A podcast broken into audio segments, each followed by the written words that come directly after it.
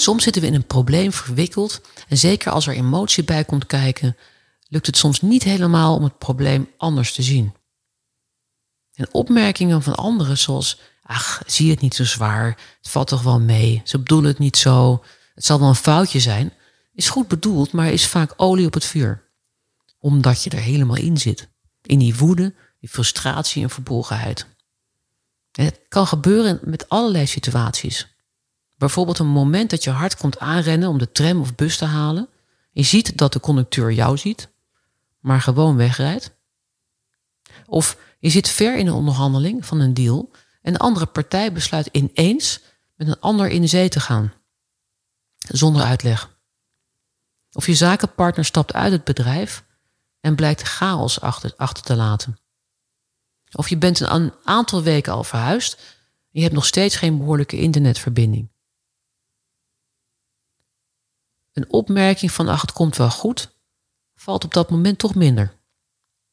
Je zou er toch zelf uit moeten komen. Want hoe herpak je jezelf en vind je je gemoedsrust weer terug? Nou, wat bij de Stoïcijnen werkt is en bij mij, is een oefening bedoeld om je perspectief te verbreden.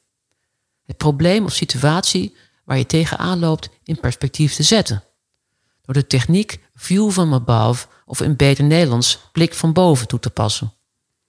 Je visualiseert jezelf eerst op de blik waar je bent. Dan laat je je gezichtspunt omhoog gaan. In gedachten kijk je naar het gebouw of de plek waar je bent, de wijk, de woonplaats, je land, uiteindelijk de aarde. Er staan mooie filmpjes op YouTube over die ene, bijvoorbeeld A Reason to Stop Worrying. Watch this whenever you are stressed. Of anxious over, over 10 minutes stoic meditations. The view from above. Of die ene Earth from Space. Als je die filmpjes kijkt, dan realiseer je hoe nietig we zijn. En niet om vervolgens onverschillig te worden, maar wel om de gebeurtenissen in een realistisch perspectief te zien.